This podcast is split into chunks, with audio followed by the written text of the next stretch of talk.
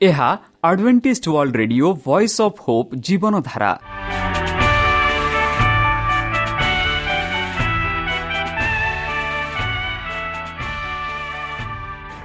Odia radio କାର୍ଯ୍ୟକ୍ରମ ଯାହା ଆମର ଆନ୍ତର୍ଜାତୀୟ ଆଘାତ କେନ୍ଦ୍ରରୁ ପ୍ରସାରଣ କରାଯାଉଛି ପ୍ରତିଦିନ ରାତି ନଅଟା ତିରିଶ ମିନିଟ୍ରେ। ମୁଁ ସୁବ୍ରତ କୁମାର ପତି ପ୍ରେମର ସହ ଆପଣମାନଙ୍କୁ ଏହି କାର୍ଯ୍ୟକ୍ରମକୁ ସ୍ୱାଗତ କରୁଅଛି। ଚାଲନ୍ତୁ ଆଜିର ତିରିଶ ମିନିଟ୍ର କାର୍ଯ୍ୟକ୍ରମ ବିଷୟରେ ଜାଣିନେବା। ପ୍ରଥମେ ରଖିଛୁ ଆଧ୍ୟାତ୍ମିକ ଭକ୍ତିମୟ ଗୀତ। ଏହାପରେ ଶୁଣିବା ସ୍ୱାସ୍ଥ୍ୟ ବିଷୟରେ ଯାହା ଆମର ଦୈନିକ ଜୀବନରେ ଅତ୍ୟନ୍ତ ଜରୁରୀ। ଆଉ ପରିଶେଷରେ ଶୁଣିବା ପରମେଶ୍ୱରଙ୍କ ଭକ୍ତଙ୍କଠାରୁ ଜୀବନଦାୟକ ଈଶ୍ୱରଙ୍କ ବାକ୍ୟ। ପ୍ରିୟ ଶ୍ରୋତା ତାହେଲେ ଚାଲନ୍ତୁ ଶୁଣିବା ଏକ ଆଧ୍ୟାତ୍ମିକ ଭକ୍ତିମୟ ଗୀତ।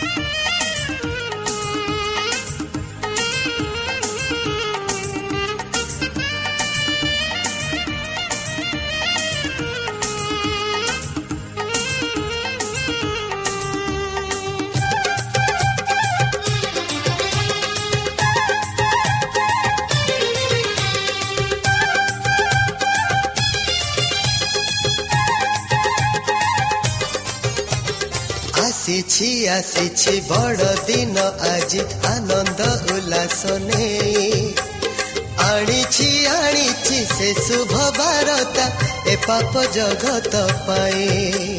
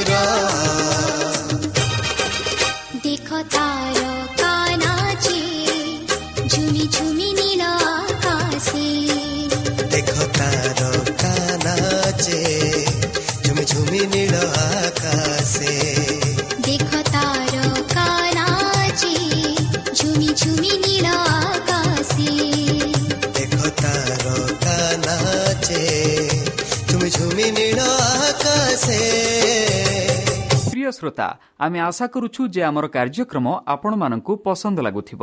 ଆପଣଙ୍କର ମତାମତ ଜଣାଇବା ପାଇଁ ଆମର ଏହି ଠିକଣାରେ ଯୋଗାଯୋଗ କରନ୍ତୁ। ଆମ ଠିକଣା Adventist media centre SDA mission compound Salisbury park Pune ଚାରି ଏକ ଏକ ଶୂନ ତିନି ସାତ ମହାରାଷ୍ଟ୍ର।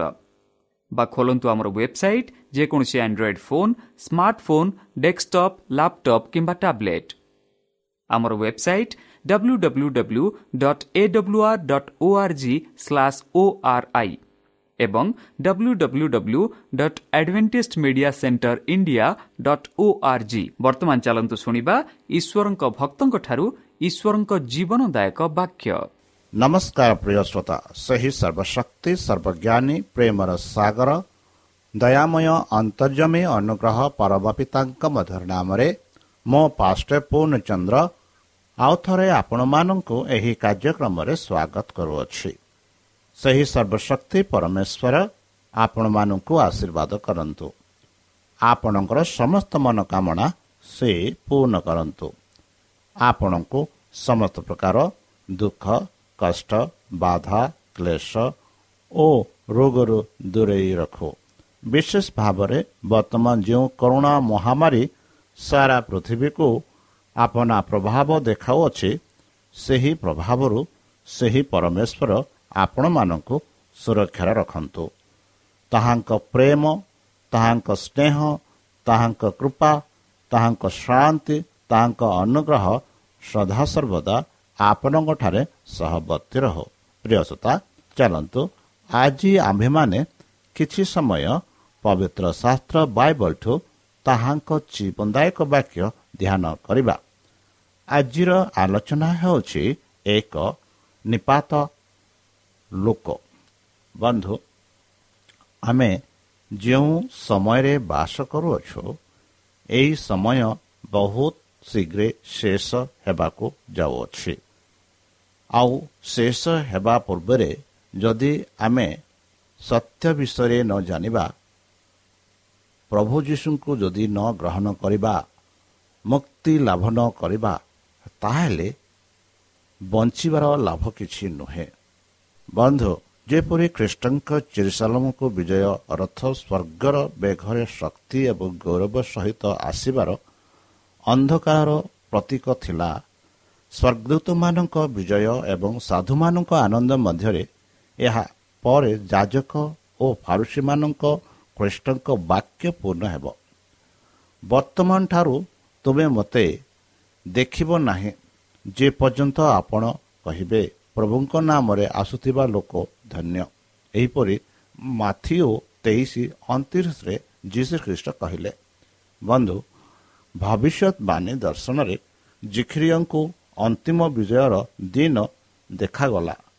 ସେ ପ୍ରଥମ ଥର ଆସିବା ପରେ ଖ୍ରୀଷ୍ଟଙ୍କୁ ପ୍ରତ୍ୟାଖ୍ୟାନ କରିଥିବା ଲୋକମାନଙ୍କର ଦଣ୍ଡ ମଧ୍ୟ ଦେଖିଥିଲେ। ସେମାନେ ଯାହାଙ୍କୁ ବିଧ କରିଛନ୍ତି ସେମାନେ ତାହା ଦେଖିବେ ଏବଂ ସେମାନେ ତାଙ୍କ ପାଇଁ ଶୋକ କରିବେ। ଯେପରି ଜଣେ ତାଙ୍କର ଏକମାତ୍ର ପୁତ୍ର ପାଇଁ ଶୋକ କରିବେ ଏବଂ ତାଙ୍କ ପାଇଁ ତିକ୍ତ ହେବେ ଯେହେତୁ ତାଙ୍କର ପ୍ରଥମଜାତ ସନ୍ତାନ ପାଇଁ ତିକ୍ତାକ୍ତ ଅଛି। ଏହିପରି ଜିଖିରିୟ ବାର ଦଶରେ କୁହେ। ଏହି ଦୃଶ୍ୟ ଖ୍ରୀଷ୍ଟ ଭବିଷ୍ୟତବାଣୀ କରିଥିଲେ। ଯେତେବେଳେ ସେ ସହରକୁ ଦେଖି କାନ୍ଦୁଥିଲେ। ବନ୍ଧୁ ବନ୍ଧୁ ଶିଷ୍ୟମାନେ ଯୁହୁଦୀମାନଙ୍କର ଖ୍ରୀଷ୍ଟଙ୍କ ପ୍ରତି ଘୃଣା ଦେଖିଲେ। କିନ୍ତୁ ସେମାନେ ତାହା ଦେଖିପାରିଲେ ନାହିଁ। ସେମାନେ ଏପର୍ଯ୍ୟନ୍ତ ଇସ୍ରାଏଲର ପ୍ରକୃତ ଅବସ୍ଥା ବୁଝିପାରିଲେ ନାହିଁ କିମ୍ବା ଜେରୁସାଲାମ ଉପରେ ହେବାକୁ ଥିବା ଦଣ୍ଡକୁ ମଧ୍ୟ ବୁଝିପାରିଲେ ନାହିଁ।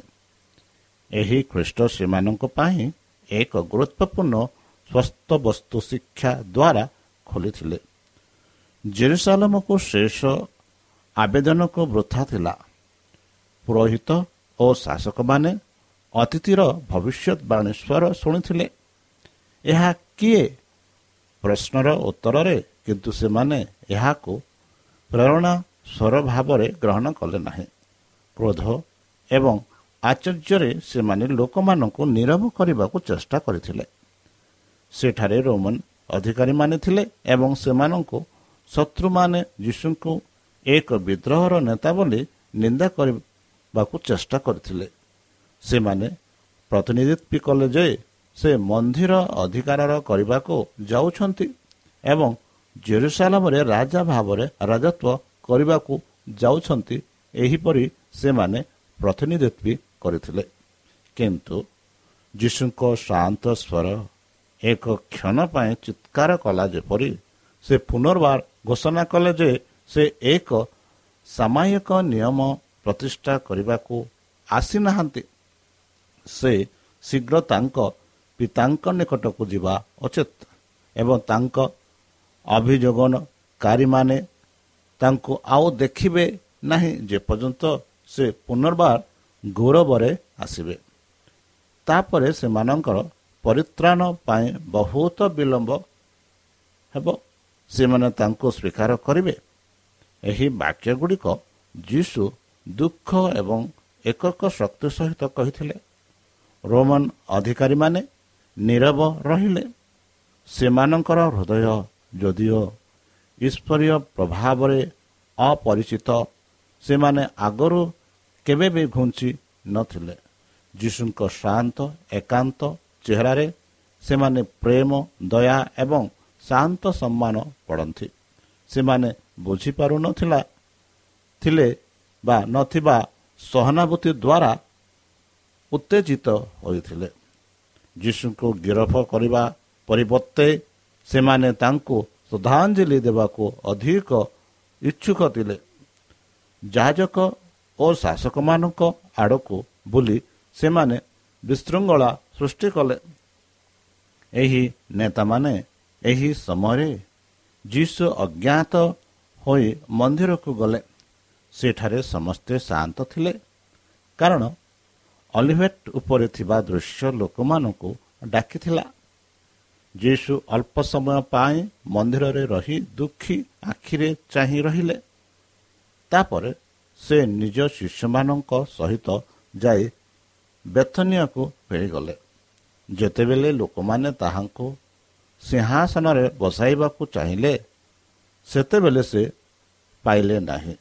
ଯୀଶୁ ରାତିସାରା ପ୍ରାର୍ଥନା କଲେ ଓ ସକାଳେ ସେ ପୁଣି ମନ୍ଦିରକୁ ଆସିଲେ। ବାଟରେ ସେ ଏକ ଡିମିରି ବଗିଚା ଅତିକ୍ରମ କଲେ। ସେ ଭୋକିଲା ଥିଲେ ଏବଂ ଦୂରରୁ ଏକ ଡିମିରି ଗଛ ଦେଖି ପତ୍ର ଆସିଲେ ସେ ଆସିଲେ। ଯଦି ସେ ସେଥିରୁ କିଛି ପାଇପାରନ୍ତି ଏବଂ ଯେତେବେଳେ ସେ ଏହା ନିକଟକୁ ଆସିଲେ ସେ ପତ୍ର ଛଡ଼ା ଆଉ କିଛି ପାଇଲେ ନାହିଁ। ଡିମୁରି ସମୟ ଏପର୍ଯ୍ୟନ୍ତ ହୋଇନଥିଲା। କିଛି ନିର୍ଦ୍ଦିଷ୍ଟ ସ୍ଥାନ ବ୍ୟତୀତ ପାଚିଲା ଡିମୁରି ପାଇଁ ଏହା ତ ନୁହେଁ ଏବଂ ଜେରୁସାଲାମର ଉଚ୍ଚ ଭୂମିରେ ଏହା ପ୍ରକୃତରେ କୁହାଯାଇପାରେ। ଡିମିରି ସମୟ ଏପର୍ଯ୍ୟନ୍ତ ହୋଇନଥିଲା କିନ୍ତୁ ଯେଉଁ ବଗିଚାରେ ଯୀଶୁ ଆସୁଥିଲେ ଗୋଟିଏ ଗଛ ଅନ୍ୟ ସମସ୍ତଙ୍କ ଆଗରେ ଥିବା ପରି ଦେଖାଗଲା। ଏହା ପୂର୍ବରୁ ପତ୍ରରେ ଆଚ୍ଛାଦିତ ହୋଇଥିଲା। ଡିମିରି ଗଛର ପ୍ରକୃତି ହେଉଛି ପତ୍ର ଖୋଲିବା। ପୂର୍ବରୁ ବଢ଼ୁଥିବା ଫଳ ଦେଖାଯାଏ। ତେଣୁ ପୂର୍ଣ୍ଣ ପତ୍ରରେ ଥିବା ଏହି ଗଛ ଭଲ ବିକଶିତ ଫଳରେ ପ୍ରତିଷ୍ଠିତ ହେଲା। କିନ୍ତୁ ଏହାର ରୂପ ପ୍ରତାରଣକାରୀ ଥିଲା। ଏହାର ଶାଖା ଗୁଡ଼ିକ ହଜିବା ପରେ ସର୍ବନିମ୍ନ ଡାଲକୁ ଉପର ଡାକ ପର୍ଯ୍ୟନ୍ତ ଯୀଶୁ ପତ୍ର ଛଡ଼ା ଆଉ କିଛି ପାଇଲେ ନାହିଁ। ଏହା ଏକ ସୁନ୍ଦର ସୁନ୍ଦର ପତ୍ର ଥିଲା ଆଉ କିଛି ନୁହେଁ। ପୃଷ୍ଠ ଏହା ବିରୁଦ୍ଧରେ ଶୁଖିଲା ଅଭିଶାପ ଦେଇଥିଲେ। ସେ କହିଲେ ପରବର୍ତ୍ତୀ ସମୟରେ କୌଣସି ଲୋକ ତୁମର ଫଳ ଖାଇବ ନାହିଁ। ପରଦିନ ସକାଳେ ତ୍ରାଣକର୍ତ୍ତା ଏବଂ ତାଙ୍କ ଶିଷ୍ୟମାନେ ପୁନର୍ବାର ସହରକୁ ଯିବା ବେଳେ ବିସ୍ଫୋରଣ ହୋଇଥିବା ଶାଖା ଏବଂ ପତ୍ର ସେମାନଙ୍କ ଦୃଷ୍ଟି ଆକର୍ଷଣ କଲା। ପିତର କହିଲା ଗୁରୁ ତୁମେ ଅଭିଶାପ ଦେଇଥିବା ଡିମୁରି ଗଛ ଶୁଖିଯାଇଛି। ଡିମିରି ଗଛକୁ ଅଭିଶାପ ଦେବାର କୃଷ୍ଣଙ୍କ କାର୍ଯ୍ୟ ଶିଷ୍ୟମାନଙ୍କୁ ଆଚର୍ଯ୍ୟ କରିଥିଲା। ତାଙ୍କର ମାର୍ଗ ଏବଂ କାର୍ଯ୍ୟ ଏପରି ଏହା ସେମାନଙ୍କୁ ଲାଗୁଥିଲା। ପ୍ରାୟତଃ ସେମାନେ ଶୁଣିଥିଲେ ଯେ ସେ ଘୋଷଣା କରିଛନ୍ତି ଯେ ସେ ଜଗତକୁ ନିନ୍ଦା କରିବାକୁ ଆସିନାହାନ୍ତି କିନ୍ତୁ ତାଙ୍କ ମାଧ୍ୟମରେ ଜଗତ ଉଦ୍ଧାର ପାଇବ। ସେମାନେ ତାଙ୍କ କଥା ମାନେ ପାଇଲେ ବା ବୁଝିଲେ ପକାଇଲେ। ମନୁଷ୍ୟ ପୁତ୍ର ମନୁଷ୍ୟର ଜୀବନ ନଷ୍ଟ କରିବାକୁ ଆସିନାହାନ୍ତି ବରଂ ସେମାନଙ୍କୁ ଉଦ୍ଧାର କରିବାକୁ ଆସିଅଛନ୍ତି। ଏହିପରି ଲୁକ ନଅ ଛବନରେ ଲେଖାଯାଇଅଛି ବନ୍ଧୁ ତାଙ୍କର ଚମତ୍କାର କାର୍ଯ୍ୟଗୁଡ଼ିକ ପୁନରୁଦ୍ଧାର ପାଇଁ କରାଯାଇଥିଲା। କେବେ ବି ବିନାଶ କରିବାକୁ ନୁହେଁ। ଶିଷ୍ୟମାନେ ତାଙ୍କୁ କେବଳ ପୁନରୁଦ୍ଧାରକାରୀ ଆରୋଗ୍ୟକାରୀ ଭାବରେ ଜାଣିଥିଲେ। ଏହି କାର୍ଯ୍ୟ ଏକାକି ଠିଆ ହୋଇଥିଲା। ଏହାର ଉଦ୍ଦେଶ୍ୟ କ'ଣ ଥିଲା? ସେମାନେ ପ୍ରଶ୍ନ କଲେ ଈଶ୍ୱର ଦୟାରେ ଆନନ୍ଦ କରନ୍ତି? ପ୍ରଭୁ ପରମେଶ୍ୱର କୁହନ୍ତି ମୁଁ ଜୀବିତ ଥିବାବେଳେ ଦୁଷ୍ଟମାନଙ୍କ ମୃତ୍ୟୁର ମୋତେ କୌଣସି ଆନନ୍ଦ ନାହିଁ ଏହିପରି ମିକ୍ଷା ସାତ ଅଠରରେ ଲେଖାଯାଇଛି। ଜି କଲ ତେତିଶ ଏଗାର ଲେଖାଯାଇଛି ତାଙ୍କ ପାଇଁ ବିନାଶର କାର୍ଯ୍ୟ ଏବଂ ବିଚାର ନିନ୍ଦା ଏକ ଆବଜ କାର୍ଯ୍ୟ। ଜିସାୟ ଅଠାଇଶ ଏକୋଇଶରେ କୁହେ କିନ୍ତୁ ଦୟା ଏବଂ ପ୍ରେମରେ ହିଁ ସେ ଭବିଷ୍ୟତର ପରଦା ଉଠାନ୍ତି ଏବଂ ମନୁଷ୍ୟର ପାପର ପରିଣାମ ପ୍ରକାଶ କରନ୍ତି। ବନ୍ଧୁ ଡିମିରି ଗଛର ଅଭିଶାପ ଏକ ଦୃଷ୍ଟାନ୍ତମୂଳକ ଦୃଷ୍ଟାନ୍ତ ଥିଲା। ସେହି ବନ୍ଧ୍ୟା ଗଛ ଖ୍ରୀଷ୍ଟଙ୍କ ସାମ୍ନାରେ ଏହାର ସୁନ୍ଦର ପ୍ରକୃତ ଚିତ୍ରଣ କରି ଜୁହୁଦୀ ଜାତିର ପ୍ରତୀକ ଥିଲା। ତ୍ରାଣକର୍ତ୍ତା ନିଜ ଶିଷ୍ୟମାନଙ୍କୁ ଇସ୍ରାଏଲର ବିନାଶର କାରଣ ଏବଂ ନିଶ୍ଚିତତା ବିଷୟରେ ସ୍ପଷ୍ଟ କରିବାକୁ ଚାହୁଁଥିଲେ।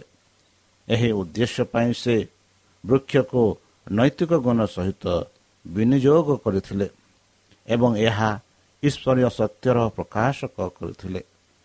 ବାହାର ନିଷ୍ପତ୍ତି ଅନ୍ୟ ସମସ୍ତ ଜାତିଗଣରୁ ଜୁହୁଦୀମାନଙ୍କୁ ଠିଆ କୁହନ୍ତି ଈଶ୍ୱରଙ୍କ ପ୍ରତି ବିଶ୍ୱସ୍ତତା ସେମାନେ ତାଙ୍କୁ ବିଶେଷ ଭାବରେ ଅନୁଗ୍ରହ କରିଥିଲେ ଏବଂ ସେମାନେ ଅନ୍ୟ ସମସ୍ତଙ୍କ ଅପେକ୍ଷା ଧାର୍ମିକତା ଦାବି କରୁଥିଲେ। କିନ୍ତୁ ଦୁନିଆର ପ୍ରେମ ଏବଂ ଲାଭର ଲୋଭ ଦ୍ୱାରା ସେମାନେ ଭ୍ରଷ୍ଟ ହୋଇଗଲେ। ସେମାନେ ସେମାନଙ୍କର ଜ୍ଞାନ ବିଷୟରେ ଗର୍ବ କଲେ। କିନ୍ତୁ ସେମାନେ ଈଶ୍ୱରଙ୍କ ଆବଶ୍ୟକତା ବିଷୟରେ ଅଜ୍ଞ ଥିଲେ ଏବଂ କପଟିରେ ପରିପୂର୍ଣ୍ଣ ଥିଲେ। ବନ୍ଧ୍ୟା ଗଛ ପରି ସେମାନେ ସେମାନଙ୍କ ସୁନ୍ଦର ଶାଖାଗୁଡ଼ିକୁ ଉଚ୍ଚରେ ବିସ୍ତାର କଲେ। ଦୃଶ୍ୟରେ ବିଳାସପୂର୍ଣ୍ଣ ଏବଂ ଆଖିରେ ସୁନ୍ଦର କିନ୍ତୁ ସେମାନେ ପତ୍ର ଛଡ଼ା ଆଉ କିଛି ଦେଲେ ନାହିଁ। ଯୌହୁଦୀ ଧର୍ମ ଏହାର ଚମତ୍କାର ମନ୍ଦିର ଏହାର ପବିତ୍ର ଯଜ୍ଞ ଏହାର ପୁରୋହିତ ଏବଂ ଚିତ୍ତାକର୍ଷକ ସମାହାର ସହିତ ବାହ୍ୟ ରୂପରେ ନ୍ୟାୟପୂର୍ଣ୍ଣ ନ୍ୟାୟପୂର୍ଣ୍ଣ ଥିଲା। କିନ୍ତୁ ନମ୍ରତା ପ୍ରେମ ଏବଂ ଦୟା ଅଭାବ ଥିଲା ସେମାନଙ୍କଠାରେ। ଡିମିରି ବଗିଚାରେ ଥିବା ସମସ୍ତ ଗଛ ଫଳର ଅଭାବ ଥିଲା କିନ୍ତୁ ପତ୍ରହୀନ ଗଛଗୁଡ଼ିକ କୌଣସି ଆଶା ବଢ଼ିଲା ନାହିଁ ଏବଂ ବିନାଶ କଲା ନାହିଁ। ଏହି ଗଛଗୁଡ଼ିକ ଦ୍ୱାରା ଅନଜୁହୁଦୀମାନେ ପ୍ରତିନିଧିତ୍ୱ କରିଥିଲେ। ସେମାନେ ଧାର୍ମିକତାର ଜୁହୁଦୀମାନଙ୍କ ପାରି ଦରିଦ୍ର ଥିଲେ କିନ୍ତୁ ସେମାନେ ପରମେଶ୍ୱରଙ୍କ ସେବା କରିବାକୁ କହିନଥିଲେ ସେମାନେ ଉତ୍ତମତା ପାଇଁ କୌଣସି ଅହଙ୍କାର କରିନଥିଲେ। ସେମାନେ ଈଶ୍ୱରଙ୍କ କାର୍ଯ୍ୟ ଏବଂ ପଥ ପ୍ରତି ଅନ୍ଧ ଥିଲେ। ସେମାନଙ୍କ ସହିତ ଡିମୁରି ସମୟ ଏପର୍ଯ୍ୟନ୍ତ ନଥିଲା। ସେମାନେ ତଥାପି ଗୋଟିଏ ଦିନ ପାଇଁ ଅପେକ୍ଷା କରିଥିଲେ ଯାହା ସେମାନଙ୍କୁ ଆଲୋକ ଏବଂ ଆଶା ଆଣିଦେବ। ଯେଉଁଦିମାନେ ଯେଉଁମାନେ ଯୀଶ୍ୱରଙ୍କ ଠାରୁ ଅଧିକ ଆଶୀର୍ବାଦ ଗ୍ରହଣ କରିଥିଲେ ଏହି ଉପହାର ଗୁଡ଼ିକର ଅପବ୍ୟବହାର ପାଇଁ ସେମାନେ ଦାୟୀ ହୋଇଥିଲେ। ଯେଉଁ ଅଧିକାରୀ ଗୁଡ଼ିକ ସେମାନେ ଗର୍ବ କଲେ ତାହା କେବଳ ସେମାନଙ୍କ ଦୋଷ ବଢ଼ିଥିଲା। ବନ୍ଧୁ ଯୀଶୁ ଖାଦ୍ୟ ପାଇବା ପାଇଁ ଭୋକିଲା ଡିମିରି ଗଛ ନିକଟକୁ ଆସିଥିଲେ। ତେଣୁ ସେ ଇସ୍ରାଏଲକୁ ଆସି ଭୋକିଲା ଥିଲେ। ସେ ଜଗତର ଆଶୀର୍ବାଦ ପାଇଁ ଫଳ ପ୍ରଦାନ କରିବା ପାଇଁ ସେ ସେମାନଙ୍କ ଉପରେ ଉପହାର ଦେଇଥିଲେ। ପ୍ରତ୍ୟେକ ସୁଯୋଗ ଏବଂ ଅଧିକାର ସେମାନଙ୍କୁ ଦିଆଯାଇଥିଲା ଏବଂ ଏହାର ପ୍ରତିବଦଳରେ ସେ ତାଙ୍କର ଅନୁଗ୍ରହ କାର୍ଯ୍ୟରେ ସେମାନେ ସହାନୁଭୂତି ଏବଂ ସହଯୋଗ ଲୋଡ଼ିଥିଲେ। ସେ ସେମାନଙ୍କ ମଧ୍ୟରେ ଆତ୍ମବଳିଦାନ ଏବଂ କରୁଣା ଈଶ୍ୱରଙ୍କ ପ୍ରତି ଉତ୍ସାହ ଏବଂ ସେମାନଙ୍କ ସାଥୀମାନଙ୍କ ପରିତ୍ରାଣ ପାଇଁ ପ୍ରାଣର ଏକ ଗଭୀର ଇଚ୍ଛା ଦେଖିବାକୁ ଇଚ୍ଛା କଲେ। ଯଦି ସେମାନେ ଈଶ୍ୱରଙ୍କ ନିୟମ ପାଳନ କରିଥାନ୍ତେ ସେମାନେ ଖ୍ରୀଷ୍ଟଙ୍କ ଭଳି ନିଃସ୍ୱାର୍ଥ କାର୍ଯ୍ୟ କରିଥାନ୍ତେ କିନ୍ତୁ ଈଶ୍ୱର ଏବଂ ମନୁଷ୍ୟ ପ୍ରତି ପ୍ରେମ ଗର୍ଭ ଏବଂ ଆତ୍ମନିର୍ଭରଶୀଳତା ଦ୍ୱାରା ଅଲଗା ହୋଇଥିଲା। ସେମାନେ ଅନ୍ୟମାନଙ୍କୁ ସେବା କରିବାକୁ ମନା କରି ନିଜ ଉପରେ ନଷ୍ଟ କରିଦେଲେ। ଈଶ୍ୱର ସେମାନଙ୍କ ପାଇଁ ଦେଇଥିବା ସତ୍ୟର ଭଣ୍ଡାର ସେମାନେ ଜଗତକୁ ଦେଇ ନାହାନ୍ତି। ବନ୍ଦିଆ ଗଛରେ ସେମାନେ ହୁଏତ ସେମାନଙ୍କର ପାପ ଏବଂ ଏହାର ଦଣ୍ଡ ପଡ଼ିପାରନ୍ତି। ଉଦ୍ଧାରକାରୀଙ୍କ ଅଭିଶାପ ତଳେ ଶୁଖିଗଲା ଠିଆ ହୋଇ ବିସ୍ଫୋରଣ ହେଲା। ମୂଳ ଦ୍ୱାର ଶୁଖିଗଲା ଡିମିରି ଗଛଟି ଦେଖାଇଗଲା। ଯେ ଯେତେବେଳେ ଈଶ୍ୱରଙ୍କ କୃପା ସେମାନଙ୍କ ଠାରୁ ହଟାଗଲା ସେତେବେଳେ ଜିହୁଦୀ ଲୋକମାନେ କ'ଣ ହେବେ? ଆଶୀର୍ବାଦ ଦେବାକୁ ମନା କରିଦେଲେ ସେମାନେ ଆଉ ତାହା ଗ୍ରହଣ କରିବେ ନାହିଁ। ପ୍ରଭୁ କୁହନ୍ତି ହେ ଇସ୍ରାଏଲ ତୁମେ ନିଜକୁ ବିନାଶ କରୁଛ ହଁ ବନ୍ଧୁ ବର୍ତ୍ତମାନ ଯେଉଁ ସମୟରେ ଆମେ ବାସ କରୁଛୁ ଏହି ସମୟରେ ପ୍ରଭୁଙ୍କ ବାକ୍ୟ ଆମମାନଙ୍କୁ ଆସୁଅଛି ହେଲେ ହିଁ ସେହି ପ୍ରଭୁଙ୍କ ବାକ୍ୟ ମାନେ ଶୁଣିବା ପାଇଁ ଇଚ୍ଛା କରୁନାହୁଁ ତାହା ମାନେ ଆମେ ବିନାଶ ପଥରେ ଚାଲୁଅଛୁ ତାହେଲେ ଚାଲନ୍ତୁ ଏହା ହିଁ ସମୟ ନିଜକୁ ସମର୍ପଣ କରି ତାହାଙ୍କଠାରେ ଆମେ ନିଜ ଜୀବନକୁ ଉତ୍ସର୍ଗ କରି ତାହାଙ୍କଠାରେ ଆମେ ପ୍ରାର୍ଥନା କରିବା ହେ ଆମ୍ଭମାନଙ୍କ ସର୍ବଶକ୍ତି ସର୍ବଜ୍ଞାନୀ ପ୍ରେମର ସାଗର ଦୟାମୟ ଅନ୍ତର୍ଜମୀ ଅନୁଗ୍ରହ ପିତା ଧନ୍ୟବାଦ ଅର୍ପଣ କରୁଛୁ ପ୍ରଭୁ। ବର୍ତ୍ତମାନ ଯେଉଁ ବାକ୍ୟ ତୁମ ସେହି ଭକ୍ତଙ୍କ ଦ୍ୱାରା ଶୁଣାଇଲେ ସେହି ବାକ୍ୟ ଅନୁସାରେ ଏମାନଙ୍କୁ ଚାଲିବା ପାଇଁ ବୁଦ୍ଧିରେ ଜ୍ଞାନରେ ପରିପୂର୍ଣ୍ଣ କର। ଆମ ପାପ ସବୁ ତୁମ ସେହି ବହୁମୂଲ୍ୟ ରକ୍ତରେ ପରିଷ୍କାର କରି ଧରିଦିଅ। ଆଉ ପରିଶେଷ ଯେବେ ତୁମେ ତୁମ ସେହି ସହସ୍ରଦୂତଙ୍କ ସହ ଆପଣା ସାଧୁମାନଙ୍କୁ ସଂଗ୍ରହ କରିବା ନିମନ୍ତେ ଆସିବେ ସେତେବେଳେ ଆମମାନଙ୍କୁ ଏକ ବାସସ୍ଥାନ ଦିଅ ବୋଲି ତ୍ରାଣକର୍ତ୍ତା ପ୍ରଭୁ ଯୀଶୁଙ୍କ ମଧୁରମୟ ନାମରେ ଏହି ଛୋଟ ବିକ୍ଷମ ଅଛି ଗ୍ରହଣ କର। ଆମେନ୍।